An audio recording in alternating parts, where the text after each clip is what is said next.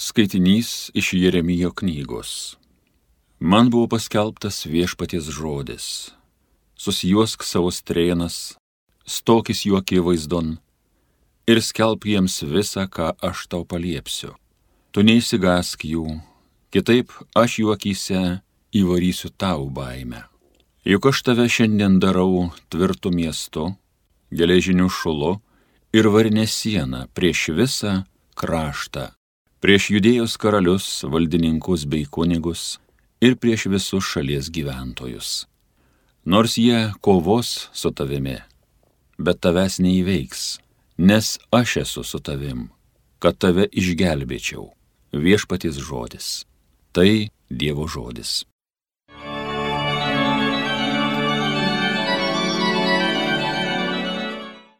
Šlovins mano burna tavo teisybę Tavo prieglopstin viešpatie bėgu ir niekuomet mane teks kaisti iš gėdos. Kaip teisingas esi, trauk mane gelbėk, kreipk į mane savo ausį, vaduokį. Šlovins mano burna tavo teisybę. Tu būk man uola prisiglausti, gelbėtis galinga tvirtovė.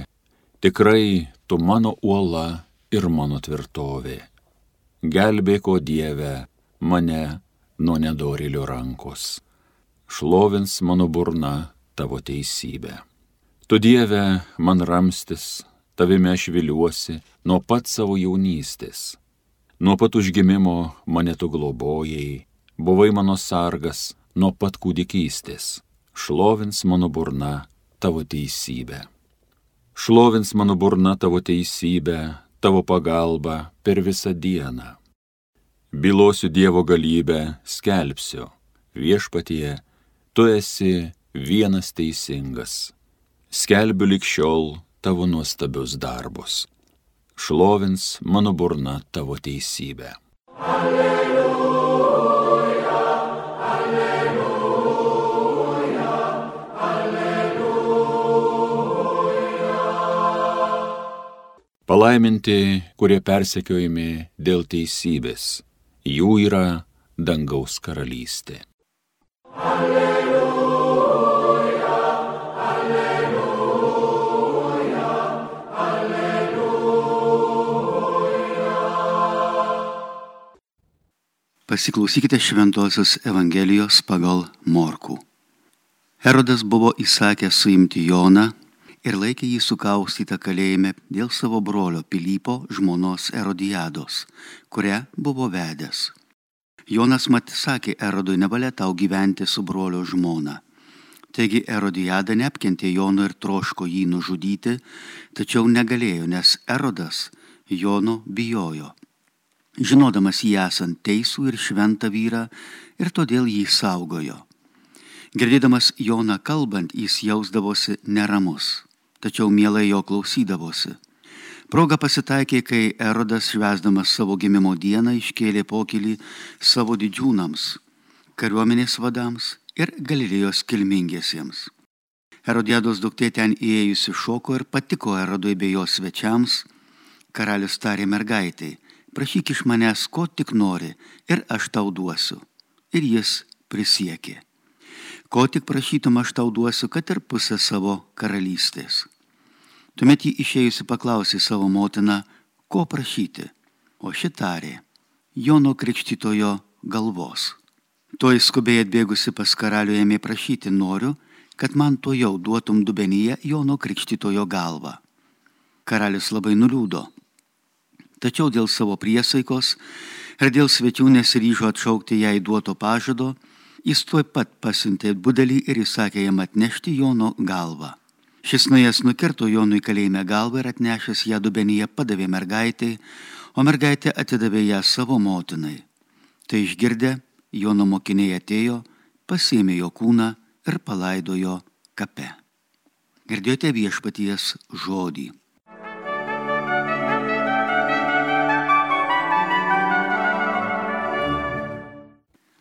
Jeigu kada tektų būti Šilovoje, tai tik įėję per paradinės duris, po kairę ir matysite, ką tik girdėtos Evangelijos skulptūrinę sceną. Dubenyje atnešama Jono Krikštitojo galva, jis nukirsdintas. Ir už kągi nužudė Joną Krikštytoje? Už ką nužudė Jėzų? Už ką žudė šventuosius kankinius? Už ką žmonės vežė į Sibirą? Saugumas kankindavo kalėjimuose? Už ką? Už ką neapkenčia šiandien bažnyčios? Atsakymas vienas ir tas pats - tiesa.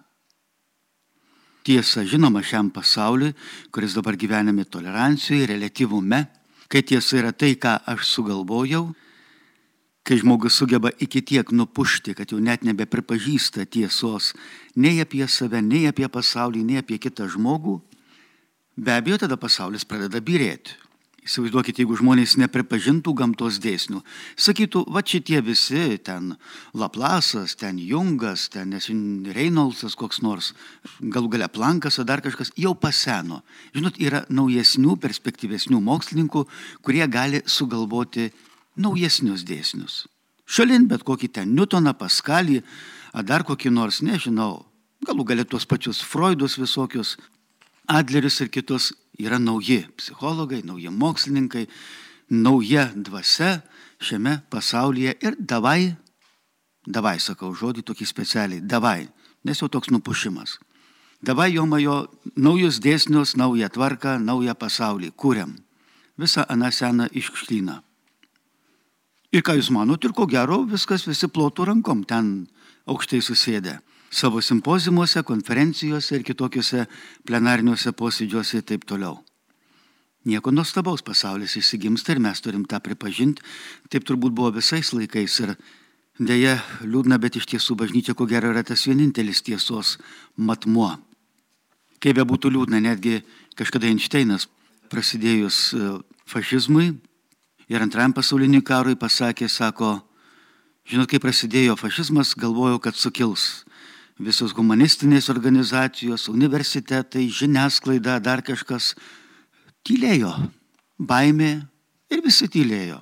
Sakė tai, ką reikia, darė tai, ką reikia ir taip toliau. Sako, tik vienintelė katalikų bažnyčia išdryso sakyti tiesą. Be abejo, juos už tai vežė į Sibirą, už tai juos trėmė, puikiai žinom, kad ir dabargi kronikos metai, puikiai žinom, kiek žmonių kentėjo vien dėl to, kad išdryso pasakyti tiesą. Bet Jėzus įspėjo, sako, tik tiesa padaro jūs laisvus. Jeigu ne, nėra tiesos tavo gyvenime, arba kaip šventas raštas sako, šito pasaulio pamatai yra du - tiesa ir teisingumas. Kai nelieka tiesos teisingumo žmoguje, šeimoje, darbovietėje, valstybei, ar dar kažkur, visi šitie byra. Byra žmogus, byra šeima, byra darbovietė, byra valstybė. Puikiai žinom, kad Taip yra, buvo, mums apie tai byloja ir civilizacijų istorija, ir visa žmonijos istorija. Netgi ta pati ir žydų istorija, kai tik jie nesilaikydavo teisingumo, kai tik pamindavo tiesą, be abejo viskas, tauta pradėdavo birėti ir tada jau ją išspardydavo kaip kokį supuvusį kelmą, bet kokia atėjusi barbarų tauta ar bet kuria aplinkinė kita.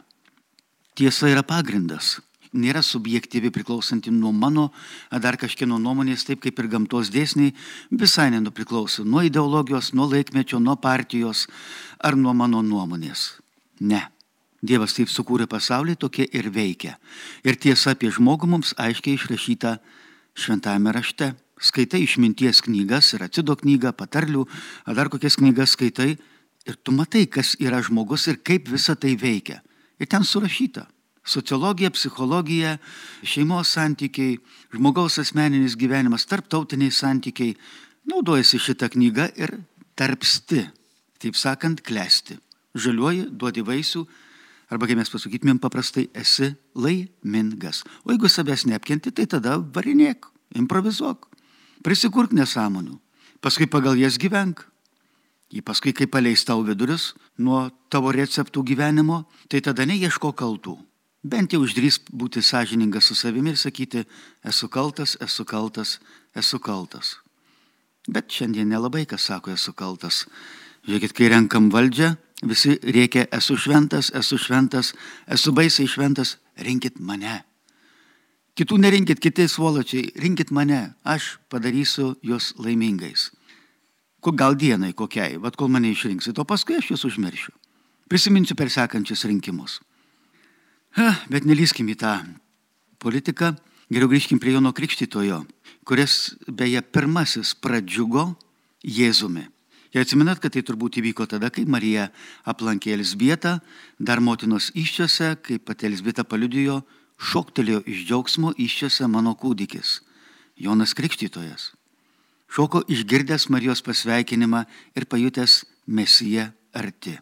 Ar mes pajuntam, kad Dievas yra mumise ar mumise šoktelna iš džiaugsmo mūsų širdis? Ar šviesu pasidaro mūsų sieloje? Ar yra to šviesos, kurią galėtumėm šviesti kitiems žmonėms? Nes tik tiesa šviesa, melas ne. Melas suklaidina. Kad pamatytum, kas yra už lango, stiklas turėtų rodyti tiesą. Kaip ir kiekvienas iš mūsų neturėtumėm užstoti Dievo, bet turėtumėm žmogų atvesti tiesiai akis į akį su juo. Ir Jonas Krikštytojas tai daro nuolankiai. Sako, nesu vertas atrišti jam kurpių dirželio, man skirta mažėti jam aukti, Kaip gerai, kad aš taip galėčiau pasakyti. Man skirta mano egoizmui mažėti, o vat Dievo galybei skirta manyje aukti. Šventieji taip ir darė. Šventieji taip ir darė ir dėl to skaitom jų gyvenime padarytus Dievo stebuklus, bet jeigu manie egoizmas užima viską, ten Dievui tiesiog vietos nėra. Norėtų įsisprausti, nėra kur.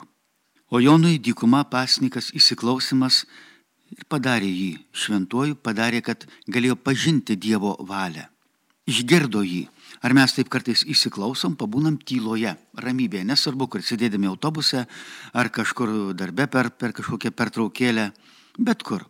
Netgi raudojame automobilį, pamastyti Dievę, kaip man eiti iš to gyvenimo keliu, kaip spręsti mano problemas. Dieve tau patikiu, bet sėdi dabar šalia manęs ir sprendžiam, kalbam, šnekamės, bendraujam duok man atsigauti. Taigi Jonas Krikštytojas, kaip ir kiekvienas šventasis, buvo pasaulyje, gyveno tie žmogiškai gyvenimą, bet jis nepriklausė pasauliui. Jis priklausė Dievo karalystiai. Tai yra įmanoma. Jeigu bendrauji su Dievu, jeigu atsiranda tas e, santykis, tada viskas. Pajunti, atsidarė dar vienas matumo šitame erdvėlaikė. Nebe keturi, trys erdvės ir vienas laiko, bet penktas Dievo karalystė, kuriame tu gali jaustis saugus, kuriame gali jaustis laimingas, kuriame esi mylimas. Bet jį atidaryti turi tu. Durys atsidaro iš vidaus. Bet tas langas, kuriame pateka saulė, jis dar pas tave gali būti uždarytas. Nes jeigu atidarytas, tai tada turi kantrybės, turi tiesos. Tada tau lengva su teisingumu gyvenime kitų žmonių atžvilgių ir savo atžvilgių. Tada neši jau nebe nuodėmės kryžių, nes vis tiek žmogus kiekvienas neša kryžių. Bet kuris, homo sapiens. Bet tada pradedi nešti meilės, tiesos ir teisingumo kryžių. Iš kur ta pranašų, apaštalų, šventųjų, kankinių drąsa, kurios reikia, kad galėtum išdrysti sakyti tiesą? Iš šventosios dvasios. Jeigu jos neturėsi, tu tiesiog bijosi. Psichologinė baimė nugalės. Taip ir buvo daugybė žmonių. Netgi saugumiečiai puikiai žinojo, kad jeigu žmogus tikintis, tu jo nepalauži. Jame yra kažkas nepalaužiamo. Bet jeigu jis netikintis, tai jį gali suvartyti, jį juo gali manipuliuoti, jį gali įbauginti ir jis palūš. Anksčiau ar vėliau, vienaip ar kitaip. Fiziškai, psichologiškai ar dvasiškai. Ir Dievas sako, nebijok, sako, aš esu su tavimi per visas tavo gyvenimo dienas šiame pasaulyje šventajame rašte 365 kartus, tiek kiek metuose dienų, yra ta žodis nebijok. Erodas bijojo. Bijojo Dievo, bijojo kitų žmonių, jau jį persekiojo paranoja, kaip beje ir Hitlerį, ar Staliną, ar dar kitus.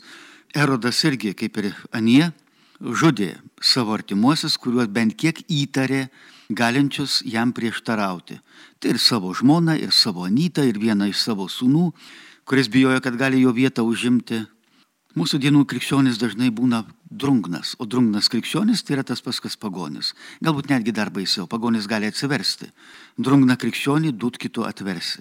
Šansų mažai. Taigi esmė yra santykis su Jėzumi Kristumi.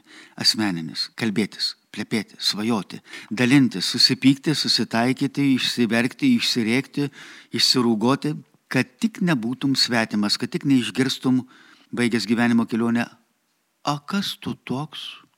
Kaip tai kas? Palauk, Jėzu, aš mišios, rekolekcijos, visa kita taip toliau, aukojau bažnyčiai, padėjau ten pastatyti koplyčiai tramtamtam. Jėzus sakys, galbūt, bet sako, aš tavęs nepažįstu. Ar mes kartu džiaugiamės, kartu verkiam, kartu svajojom, kartu kažką veikiam šitame gyvenime tavo? Ne. Nu tai aš tavęs nepažįstu. Nėra, nėra to santykio, nėra to šilumos. Su savo šeimos gydytoju aš esu pažįstamas. Jis žino mane, ne tik tais mano fiziologiją, ir mano psichiką, ir mano vidų, ir mano sielos pasaulį, nes mes susitinkame, mes bendraujame, mes išsišnekame, mes juokaujam. Pavyzdžiui, koks prezidentas, nu nėra santykio. Jam irgi kažkiek rūpiu aš, bet tai nėra tas pats. Lygiai taip pat, kaip kartais vaikai pasako, mes stovyklai vadovam išsipasakojam dešimt kartų daugiau negu savo tėvams. Tai kame problema? Vaikuose Ne, galbūt kažkas tėvų santykiuose negerai. Kažkur pritruko to atvirumo, pritruko tos tiesos, teisingumo, sažiningumo su savimi. Taigi Jonas ir Krikštytojas mus moko, žmogaus sako, gyvenk taip, kad nereikėtų gailėtis. Kad nereikėtum bijoti tenai, kur visiškai nereikia bijoti. Kad nepasiduotum piktojo grasinimams ir gazdinimams, nes jis šitai darė. Darė ir daro. Darė tada, daro ir šiandien nepasiduok. Ir jeigu tave jau matai, kad iš tiesų puola, ateina baimė, tai tam yra priemonės. Tam yra priemonės. Arba kalbė Arkangelo Mykolo maldą, arba kalbė tą širdies maldą. Jėzau Kristau, pasigailėk manęs. Jėzau Kristau, pasigailėk manęs. Įkvėpi Jėzau Kristau, iškvėpi pasigailėk manęs. Susilašinį šitą lašelinę jauti atleido. Baimė, neviltis, nepykanta, rūstybė, ar galų gale nemiga, ar dar kažkas, nes negalėjau užmigti, kadangi praėjusios dienos visokie rūpeščiai, baimės, problemos, jų apščiai tiesiog tau neleidžia, stogas važiuoja. Naudokis. Naudokis Dievu. Ką daro vaikai, kai jie būna baimės, sunku problemos? Bėga pas savo tėtį mamą. Bėg ir tu. Ir patirsi. Ir patirsi, va tai kaip Jonas Krikštas, ištversi viską. Ir pažeminimus, ir kankinimus, ir netgi kankinystės mirtį. Ir tada galėsi nebijoti pasaulyje skelbti tiesą taip kaip ir apaštalai, gavę šventąją dvasę, jau išspyrė tas duris, kurias buvo užsirakinę, užrėmę su spintom, su tumbačkom iš baimės, dabar išardytas visas užtvaras išėjo ir drąsiai skelbė. Piktoji dvasia įžūliai bruka savo melą, savo klastą ir nepykantą šiam pasauliui. Kodėl mes turim bijoti? Mes neturim teisės bijoti. Taip sako Kristus. Štai ir prašykime, kad ta šventoji dvasia sustiprintų mus, duosų tos tvirtybės išlikti sąžiningai su savimi, išlikti savimi, išlikti tiesoje, teisingume ir meilėje, kaip ir Jonas Krikštytojas iki pat mirties. Amen.